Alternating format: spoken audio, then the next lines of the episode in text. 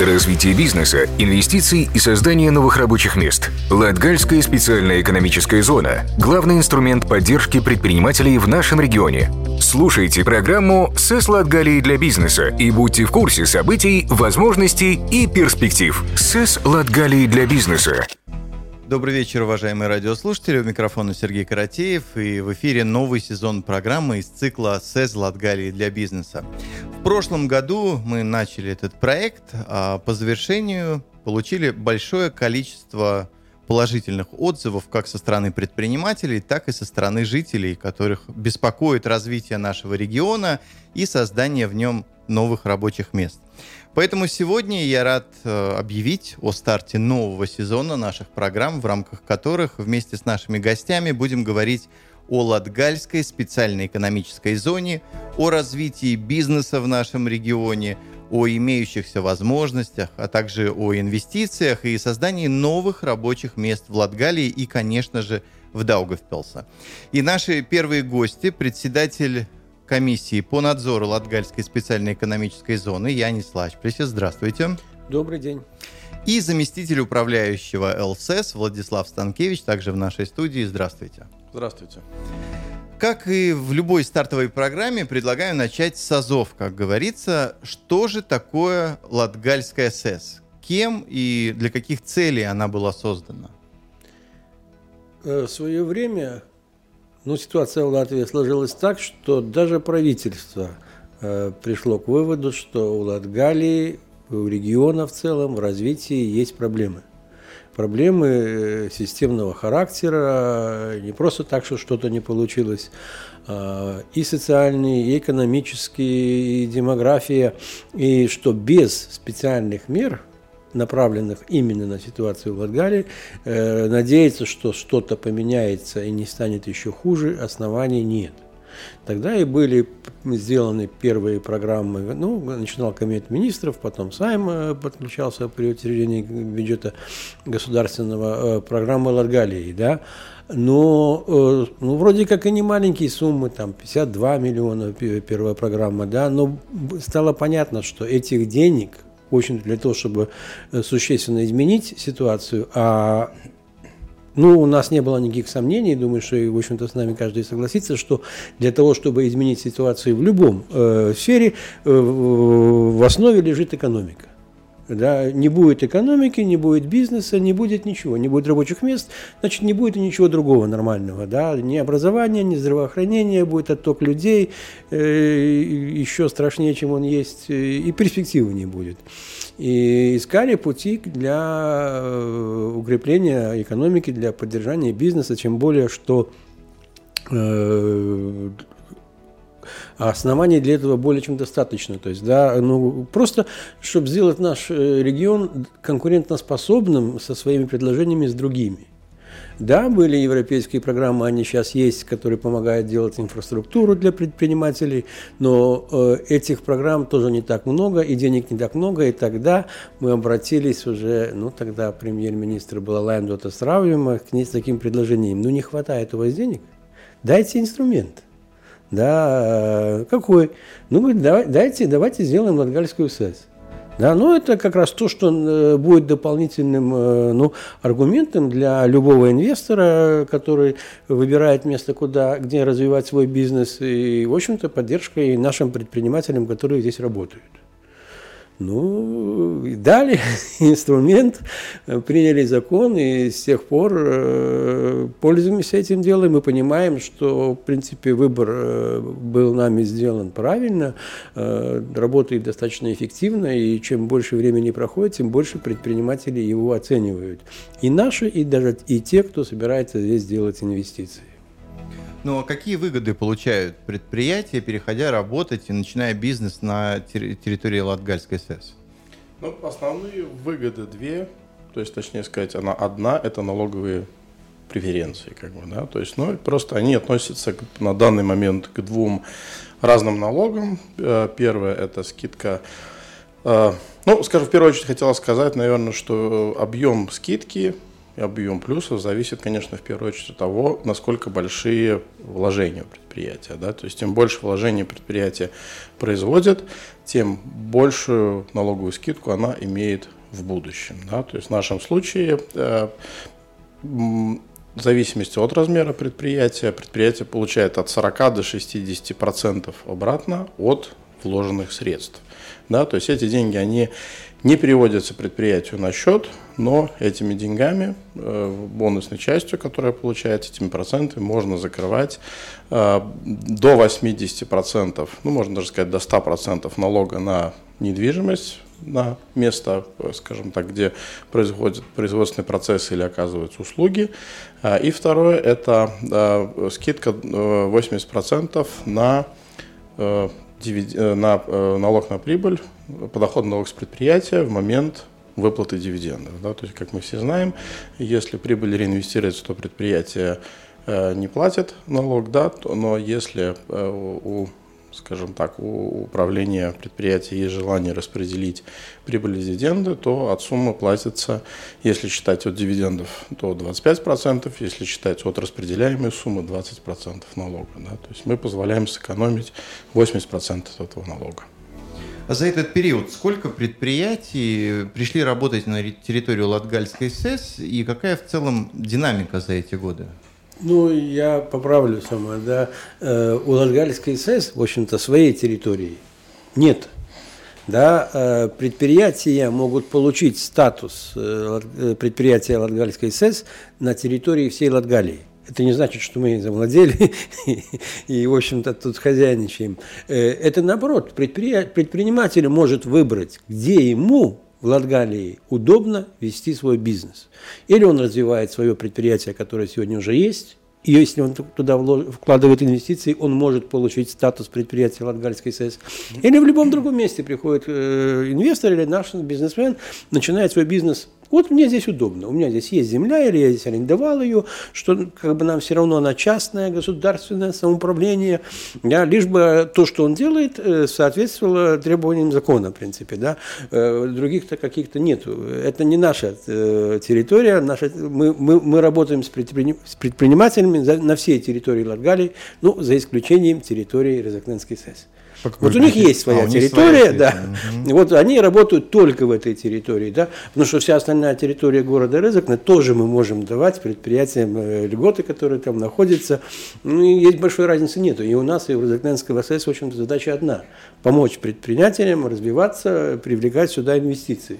Думаю, что и Резакненский думе, в общем-то, все равно, где это предприятие находится, важно, чтобы оно было, чтобы эти рабочие места создавались, и люди получали зарплату, и город э, при этом развивался, ну и регион наш в целом. Всего у нас сегодня 28 предприятий, которые работают. Да, договоров заключено, конечно, больше, потому что предприятие заключает новые договора. Я даже не хотел бы разделять э, наши предприятия, инвесторы, которые приходят. Э, а, э, обе из них важны. Нам особенно приятно работать с нашими, конечно, да, и помогать им развиваться. Но мы понимаем, что даже параллельно используя там то, что связано э, с возможностями там, через европейские фонды, что самоуправление создают инфраструктуру, в принципе, да, куда могут приходить инвесторы. Э, потенциал только наших, ну, сегодня его не хватает. И, и мы работаем, мы рады и любому инвестору, в принципе, да, и здесь показывает, что, ну, выбираем на определенный период приоритета, но никого не, от, не отодвигаем никогда, да, и, и это работает. А какой объем инвестиций за этот период был привлечен в Латгалию? Ну, за этот период, ну, скажем так, мы можем сказать за Латгальскую специальную экономическую зону. То есть, если сразу, то этот объем, конечно, будет больше. Но то, что касается нашей работы, мы, э, ну, не мы, скажем так, предприятия взяли на себя обязательства на данный момент вложить чуть немножко меньше, чем 60, 67 миллионов евро общих инвестиций. Я подчеркну, как э, Владислав сказал, что это не наши деньги. Это не СЭЗ, не государство, там, да, эти делают Это те деньги, это, которые это делают, Нет, эти деньги вкладывают частные предприниматели. Он свои личные деньги или в банке берет кредит, но это их инвестиции. Да, и поэтому мы делаем все, чтобы им помогать, чтобы они эти деньги вкладывали в развитие своего бизнеса, в развитие нашего региона. То есть, э, потому что они главные люди, они вкладывают деньги, они берут на себя риск, они отвечают за результаты. Конечно, они все ожидают прибыли, и, в общем-то, то, что мы даем э, льготу на прибыль, ну, Владислав сказал, 80%, в итоге они выбирают э, прибыль под 5%. Многие из нас, ну и радиослушатели, помнят, как начинались кооперативы. Главная льгота у кооператива была 5 лет, или не 3, 5, по-моему, лет работа без подоходного налога. Тогда даже не понимали, какая это огромная льгота. Но кооперативы пошли в рост бешено, в рост бешено да? А здесь, ну, не ноль подоходный, но 5%. Это не, ну, это не, не это хорошая ставка льготная, которая действительно, ну, приходит э, бизнесмен, наш бизнесмен, иностранец, он вложил сюда деньги. Конечно, он хочет получить их обратно. Да? И вот то, что он их может получить, ну, если он заработает, если он работает эффективно, да, э, под 5%, это ему позволяет, во-первых, оставлять на развитие намного больше, а во-вторых, в общем-то, э, и решать все остальные проблемы. Там, ну, если там исполнительный директор, то ему проще разговаривать с акционерами. Вот, ребята, работаете, вы вложили, все это э, дает свой результат, и идем дальше, да, и, и действительно идут дальше от одного к другому, один поработал, приходит другой какой-то его коллега-предприниматель, это все здесь, это э, жизнь подтверждает. А если говорить о создании рабочих мест, насколько успешно достигается эта цель, сколько рабочих мест создано за период функционирования Латгальской специальной экономической зоны? А, ну, скажем так, на данный момент, если э, выходить сугубо из, э, скажем, той информации, что мы имеем в договорах, э, предприятия пообещали нам, что в результате инвестиций они создадут 615 рабочих мест. Да, на данный момент создано 370, но мы видим тенденцию, что предприятия создают больше рабочих мест, чем они предполагают в начале, когда они заключают договора. Да, мы провели, провели определенный экономический анализ развития наших предприятий, которые вступили в специальную экономическую зону. Мы видим, что э, очень активно и увеличиваются обороты предприятий, очень активно увеличивается количество рабочих мест. Да, то есть, в общем, мы видим, что предприятия, работающие в специальной экономической зоне, они развиваются достаточно динамично, и мы очень надеемся, как бы, да, что та ситуация, которую мы видим сейчас, э, скажем так, э, в рынках и так далее, что очень сильно она не повлияет на будущее развитие предприятий, потому что определенную, к сожалению, стагнацию мы в данный момент видим рынках? Ну, если говорить о рабочих местах, э, да, э, ведь наши предприятия э, мы получили в свое время не только закон о Латгальской СЭС, но получили и дополнение к нему, там, э, когда поработали, понимая, какие еще приоритеты можно и ну, необходимо двигать. Мы получили в том, что за инвестицию считается не только деньги, вложенные в развитие предприятия, но и зарплата на вновь созданных рабочих местах, которая вместе с налогами будет выплачена в течение двух лет. И вот от этой суммы тоже можно получать льготу.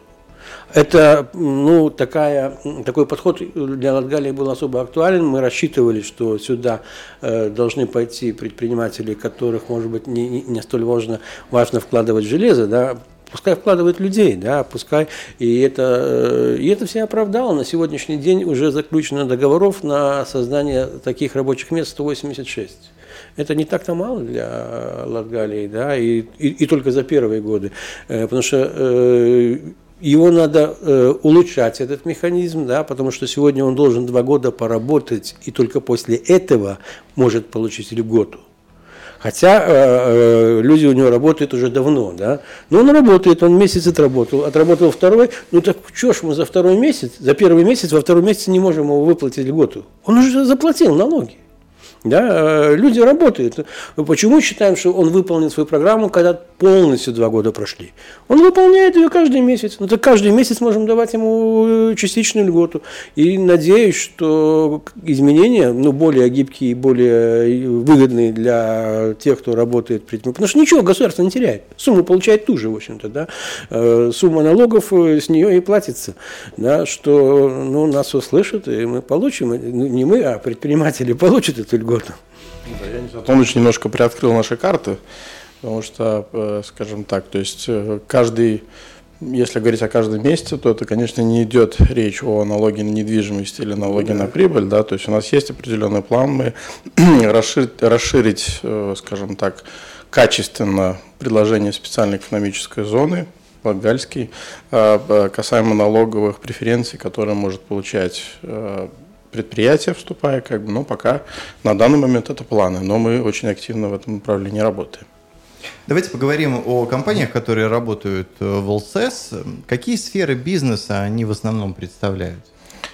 Но основная масса это, конечно, классические предприятия, которые первые появились у нас. Это деревообработка, металлообработка, э, предприятия, занимающиеся э, э, производством одежды, первую очередь, да. Но четыре года назад на нас, скажем так, мы заметили то, что начало появляться в Латгалии новое направление, новый кластер – Э, производителей электроники и, так, скажем так, высокоточной электроники, э, плюс э, высокотехнологические производства. Да, это тоже наше, скажем так, направление, которое ну, фактически, появ... ну, нельзя сказать, что она появилась 4 года назад, потому что Sun Cable работает в Даугавпилсе достаточно давно, как бы, да, но это направление, оно э, очень хорошо себя проявило в, в Даугавпилсе, в Ливанах и немножко в Резекне, то есть мы видим, что есть, как бы, в этом секторе есть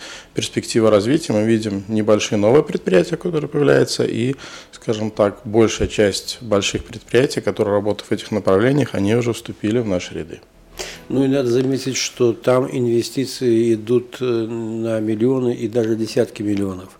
Эффективность этих, этих предприятий, ну даже в сложный период экономический, да, и ковид, и кризисы, и все военные неприятности, в общем-то, да, э, она очень высока действительно очень высока. И вот когда Владислав говорит, что ну, мы берем показатели по зоне, да, то, конечно, вот вклад этих предприятий в то, что ну, прибыль предприятий, получивших статус СС, поработав там, увеличивается в два раза почти, да, ну, это, это во многом их вклад, да. И они что, казалось бы, ну, электроника, оптоэлектроника, там, да, высокотехнологичная, действительно, да, э, достаточно много рабочих мест да, э, что очень хорошо, и они э, хорошо оплачиваемые. То есть это очень радует, и мы надеемся, что это направление, оно э, уже как бы имеет крепкие здесь корни и будет только развиваться. А все ли сферы деятельности поддерживаются для вступления в Латгальскую специальную экономическую зону, или есть какие-то ограничения, и, скажем, не каждая компания может быть принята и может занимать вот место в этой предпринимательской семье?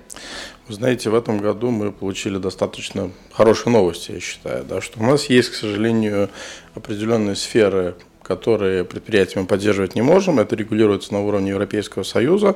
Но одно из этих направлений в этом году, в, в, скажем, в связи с изменениями э, в регуле Европейского Союза, один из запретов отпал. То есть мы, начиная я надеюсь, что сейчас у нас как раз происходит э, процесс внесения изменений э, в законе, в основном законе нашем, как бы, да, и э, с Нового года мы сможем поддерживать предприятия, которые занимаются или работают в направлении производства химического волокна и смежных производств. Да. Мы имели запрет, то есть нам известно, по крайней мере, в Латгалии три предприятия, которые работают в этом направлении, и мы надеемся, что это позволит нам в следующем году скажем так, расширить наши ряды. ряды ну, знаем же, э, химическое волокно, как бы э, известная продукция в Даугапилсе. Если они, пройдя вот этот сложный период, выжили, сохранились, то они смогут и развиваться, а дополнительные условия и помощь для развития, ну, думаю, будет как раз то, что надо.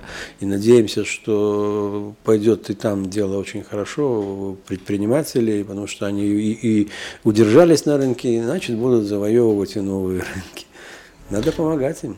Ну, говоря о запретах, то есть самый, наверное, для нас э, обидный, обидный момент – это то, что мы не можем поддерживать фактически производство, которое занимается производством продуктов питания, кроме производителей хлеба.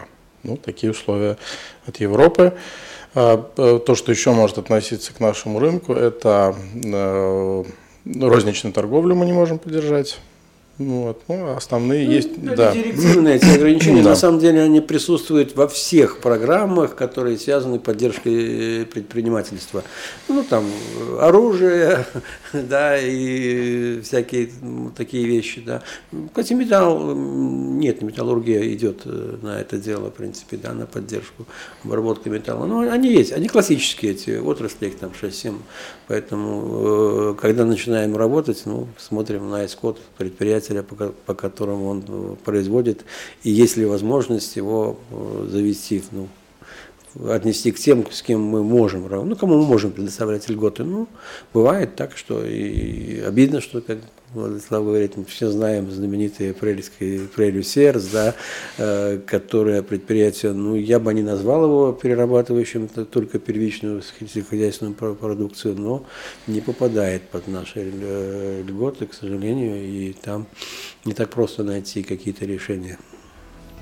Ну, помимо названных ограничений, есть ли какие-то критерии для компаний, которые вот хотят зайти работать в Латгальскую СС? Ну, помимо того, что назвали, да? Ну, наш интерес как и Латгальской специально-экономической зоны, как Латгальское регионное планирование, также как организация, которая представляет интересы самоуправления, конечно, новые рабочие места. То есть это, в принципе, основной интерес, как бы, да, это создание новых рабочих мест. Конечно, нам, э, скажем так, то есть мы смотрим на то, э, что, ну, э, чтобы действительно это были ну, какие-то логичные и существенные вложения, да, но таких каких-то определенных больших запретов с нашей стороны критериев, наверное, нету. То есть нам интересно, чтобы предприятия входили, чтобы они вкладывали деньги, да, и, ну, с другой стороны, как бы, если предприятие, предположим, войдет в специальную экономическую зону, у нее что-то не получится, не получится вложить средства и так далее, что-то произойдет, в принципе, никаких там, не знаю, санкций или чего-то, то есть каких-то такого на- наказывающего инструмента его нет. То есть это мы, в принципе, даем предприятию возможность. Если предприятие реализует свою возможность, они получают налоговые преференции. Если они не реализуют, то они просто их не получают. Как бы, да.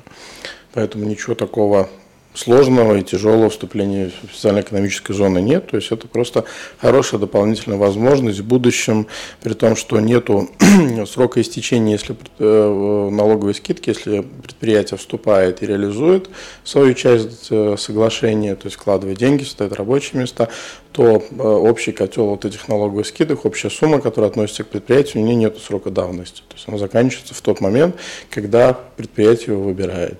Что еще хотелось бы подчеркнуть, что эм, э, предприятие само выбирает, скажем так, количество договоров, которые оно заключает с нами. То есть это не, не, не то, что один раз вступили и все, то есть как только есть, появляется у предприятия э, возможность э, и желание развиваться в дальнейшем, вкладывать еще развивать, еще какие-то дополнительные линии, это все идет плюсом. Ну, если так попросту самое, да, не очень богатое предприятие, поставило хороший станок, работает. На эту инвестицию получили там на ее сумму налоговую льготу. Поработали, получается, поставили второй, и на второй станок можно писать проект, в принципе, и получать статус и льготу. И на третий, четвертый у нас действительно есть предприятия, которые уже подали больше 10 проектов. Да? А если говорить об ограничениях, то ну, мы же, правильно говорит Владислав, мы-то заинтересованы, чтобы их не было, чтобы как можно больше предприятий приходило. Но мы не только заинтересованы, мы и работали. Сначала они могли работать предприятия, которые здесь не зарегистрированы. Да? А Сейчас могут работать здесь филиалы, в принципе, этих предприятий. Раньше нельзя, должен был зарегистрироваться. То есть это тоже не каждое предприятие хочет создавать филиал, причем приходит созда- э, новое предприятие здесь, да, у него нет истории, нет кредитной, в принципе, там надо давать какие-то гарантии э, для его финансирования, да, а сейчас, пожалуйста, работай через филиал, э, и это тоже упрощает работу для ситуацию для многих, в принципе, потенциальных инвесторов, которые сюда приходят и работают. Какой алгоритм действий для тех новых компаний, которые в данный момент решаются на присоединение к ЛСС? Бизнес-планы, расчеты. Что включает в себя этот процесс и как долго он длится? Знаете, наверное, первый шаг... Я перебью. Самое главное, что он должен посчитать свои деньги. Хочет ли он получить льготу? Хочет ли он от своего вложения получить, ну, там, 40 или 50 или 60 процентов обратно, да. это. То есть э, выгодно, то есть, да. И, и- и причем Владислав сказал, за то, что ты будешь это делать и подавать нам документы, и не получится никаких наказаний, никаких штрафов. Ну, не получилось, не получилось. Ну, бизнес есть бизнес, в принципе, да. Э, То есть, а получилось, получи, э, сделай. А сделать надо не так-то и много, в принципе. Да, вот посчитал деньги и приходи к Владиславу. Ну, в принципе, да. Да, ну, подробнее уже рассказать. Да, подробнее. Ну, то есть первый шаг это, конечно, надо посетить нашу домашнюю страничку Латгальского региона планирования lpr.gov.lv, зайти в раздел Латгальская специальная экономическая зона. Там есть и презентации, там есть описание, там есть полный пакет документов, которые требуются для вступления в специальную экономическую зону.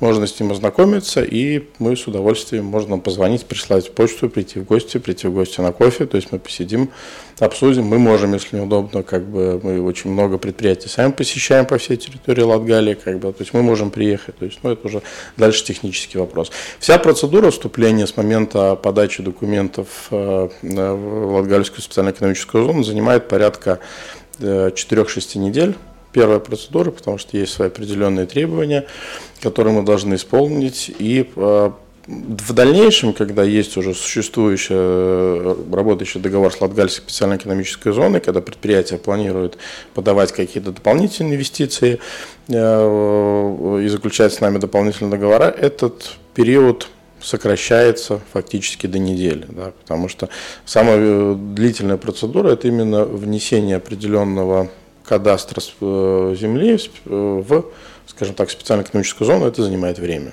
Вот. В дальнейшем это все происходит достаточно быстро. Ну, главные наши э, партнеры, с кем мы работаем, проходя вот этот, ну, бизнесмен, понятно, предприятие, да, это самоуправление и министерство.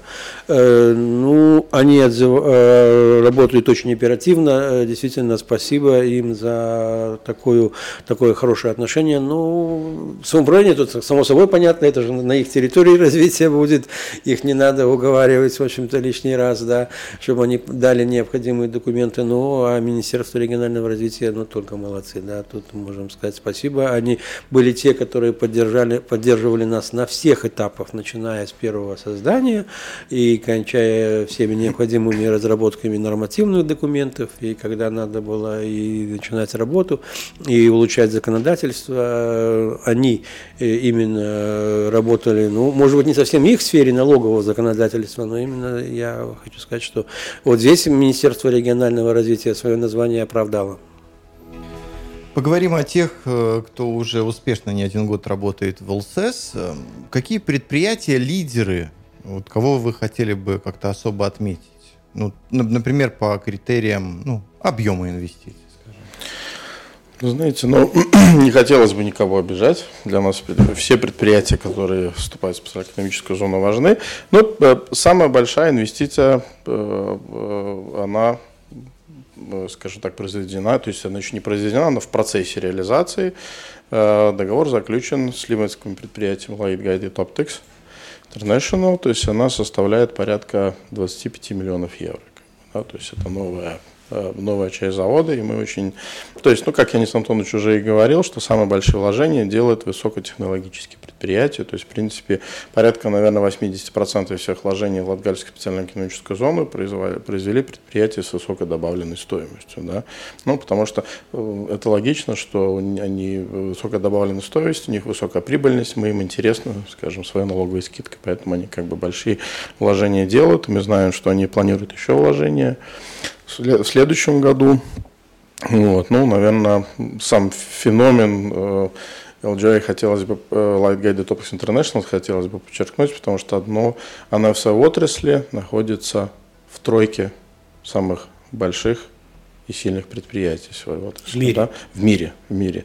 Точно так же, как, в принципе, предприятие Регула Балтия в своей сфере тоже находится в тройке, Даугавпилское предприятие, да, в тройке сильнейших предприятий мира как бы у нас, по крайней мере, есть два предприятия, которые являются в топ-3 в мире я, в своей отрасли. Посудали ли они свое здание на Гадабуэ проект, потому что то, что они сделали сейчас там на улице Вишки, реконструировали бывший этот центр статистического управления, это, это просто украшение нашего города.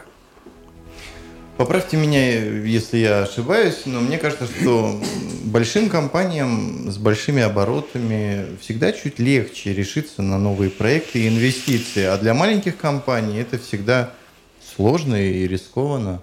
Нет, э, нет, у каждого своя головная боль, в принципе, там, ну, у них свои проблемы, свои уровни, да, на которых они работают. Надо понимать, что маленькая компания в СЭС не приходит за поддержку начала бизнеса. В СЭС приходит за поддержкой бизнеса. И поэтому я совершенно, мы, мы рады любому проекту, и маленькому, да, и если он начинает развиваться, э, ну, один из наших таких э, предприятий, да, он, он же начинал с э, программы «Импульс» в городе Даугавпилсе, да, и, в общем-то, развивался, развивался, ну, нашел еще и партнеров, и сегодня уже там 13 больше проектов, и один, часть кластера, да, оптоэлектроники. Поэтому не буду говорить, что легче да, э, большому, чем маленькому. да, у него более высококлассные специалисты. Да, это правда более грамотные, но у него и работа там с экономической стороной, с бухгалтерской намного сложнее. Э, и если начинающий предприниматель, который ну, уже работает, да, придет к нам, наши специалисты помогут отконсультируют, подскажут все, что надо, в принципе, да, и если что-то не сами, скажут, где можно получить поддержку, потому что документ, пакет документов не очень сложный, и даже если для этого нанять э, специального, ну, специалиста, что подготовил, это будет недорого. Маленькому предприятию, думаю, от 500 до 700 евро максимум. Во всех сферах бизнеса сегодня достаточно много сложностей. Геополитическая ситуация, нарушения с логистикой, с рынками сбыта. Приходится искать как э, новых поставщиков, так и новые возможности. Как со всем этим справляются компании, которые работают э, в Латгальской специальной экономической зоне? Ну, на мой взгляд, справляются они хорошо, особенно те предприятия, которые узкоспециализированы. Как бы, да. Конечно, даже большие предприятия Латгальской социально-экономической зоны говорят, что да, вся экономическая ситуация, которая, как вы сказали, геополитическая и так далее, как бы она, конечно, влияет на экспортные объемы то есть это чувствуется, да. То есть, ну, мы видим, что если говорить, скажем, не только о предприятии СЭС, а вообще как бы о бизнесе в Латвии, и не только в Латвии, в Прибалтийском районе достаточно э, был хороший рост предприятий деловой работки предыдущих два года, даже можно сказать три. Они очень комфортно себя чувствовали, но сейчас они имеют не все отрасли, скажем, но вот направление э, деревянной упаковки, скажем, палетная доска и так далее. Сейчас у них достаточно тяжелые времена. Нельзя сказать, что э, такая ситуация такая печальная, скажем, как была там в 2011-2012 году, но есть определенные коррекции на рынке происходят. Вот, насколько они будут глубокие и долгие, ну, очень никто сейчас не берется даже прогнозировать, да, то есть это может иметь краткосрочный эффект. К сожалению, то есть то, что, на мой взгляд, достаточно серьезно повлияло на развитие бизнеса, это, конечно, банковские ставки, да, то есть когда, возможно, для рынка Германии увеличение Евребора, оно просто, скажем так, уменьшило ну, возможность э, потребителей брать кредиты, то в случае Латвии и тем более Латгалии, то есть увеличение кредитных ставок, оно достаточно сильно, э, скажем так, усложнило работу предприятий с банками, с которыми в Латгальском регионе, в принципе, так и, и без этого было тяжело работать. Да, как бы, это... Ну, немножко такая отвлеченная тема, но э, подняли Евробор. Ну зачем? Ну типа, чтобы бороться с инфляцией. Ну, чтобы бороться с, принципе, с инфляцией, это действительно происходит как в Германии. Новые кредиты берут меньше. А у нас-то наказывают тех, кто уже взял – да, в общем-то, и они уже на инфляцию, в общем-то, не влияют, да, что, ну, его личное потребление сегодня, или какие-то возможности развития предприятия, да, если это физическое лицо, то его личное потребление сокращается, ну, этим мы инфляцию не затормозим. Когда он брал кредит, да, то есть это, он, у нас ушло в другую сторону совершенно этот э, вектор, в принципе, да. И, ну, вторая сторона, конечно, это сверхприбыль банков, да, которая появилась. Поэтому здесь есть о чем подумать. Э, но если говорить о наших ну, э, рынках предпринимателей, здесь, ну, не только СЭС, но все, что есть в регионе планирования, работает на то, чтобы предпринимателям помочь.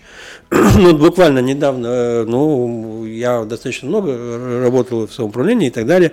Такой первый раз приехали сюда, в Латгалию, привезли, спасибо, вот именно регион планирования, все это организовывал, всех экономических атташе, которые есть у Министерства иностранных дел Латвии. То есть везде в мире, где есть наши представители, э, дипломаты, которые занимаются э, вопросами экономики, э, работают там, изучают местные рынки или каких-то инвесторов, которые могли бы сюда прийти, везде, где вот такие люди у нас есть, все они были здесь. Сначала в Даугупилсе, потом в Резекне. И наши предприниматели имели возможность с ними контактировать, э, обсуждать вопросы. Причем это очень такой хороший вопрос, потому что эти люди тоже заинтересованы в результатах своей работы. Да, им надо, чтобы и какой-то бизнес отсюда, в принципе, туда продвигать, и оттуда сюда инвестиции. Да. Для этого, опять же, нужны какие-то потенциальные партнеры и так далее. И когда э, делает, организовывают, э, организуется правительственные там э, делегации, туда э, приглашаем предпринимателей, а выезды на выставки тут вообще... Уже десятый год подряд проходит конкурс э, наград года для предприятий Латгальского региона. Кто может в нем участвовать и как и до какого числа можно подать заявки? Вы знаете, да, этот год юбилейный. Подать могут заявки фактически любое предприятие, вне зависимости от размера, и там э, очень то есть могут само предприятие, работники, то есть там очень как бы не ограничено, скажем так, то есть кто может э, подавать заявку туда, и в этом году у нас 8 номинаций, то есть организует это Латгальский центр предпринимательской деятельности, да, и у нас появились э, две новые номинации, Gada lauksaimnieks и Gada ražojošais uzņēmums. То есть, к сожалению, в данный момент уже заявки все поданы, то есть интерес был достаточно высокий. Я думаю, в какой-то из более поздних программ Андрес, мой коллега из Латгальского центра предпринимательской деятельности, расскажет весь процесс, опишет, да, но на данный момент происходит э, оценка поданной информации, и э, в этом году, 8 ноября, в Риге будет, скажем так, торжественное поздравление лучших самых видных предприятий Латгальского региона. Я хотел бы пригласить всех жителей Латгалии. Есть возможность следить э, за этим в онлайне. То есть 8 ноября будет предоставлена возможность увидеть это, э, скажем так, мероприятие. Можно увидеть его на нашей домашней страничке LPR.gov.lv. Также будет оно транслироваться на страничке Facebook Латгальского региона планирования и Э, будет также на э, домашней страничке новостного портала ЛВ. На этом сегодня все. Гостями эфира были председатель комитета по надзору Латгальской специальной экономической зоны Янис Лачпресис и заместитель управляющий ЛСС Владислав Станкевич. Я благодарю вас за участие и жду в следующих эфирах. Спасибо. Спасибо. Следите за программами СЭС Латгалии для бизнеса в нашем эфире и будьте в курсе событий, возможностей и перспектив. Программу провел Сергей Каратеев, информационная служба, радио Алиса Плюс. Развитие бизнеса, инвестиций и создание новых рабочих мест. Латгальская специальная экономическая зона – главный инструмент поддержки предпринимателей в нашем регионе. Слушайте программу «СЭС Латгалии для бизнеса» и будьте в курсе событий, возможностей и перспектив. «СЭС Латгалии для бизнеса»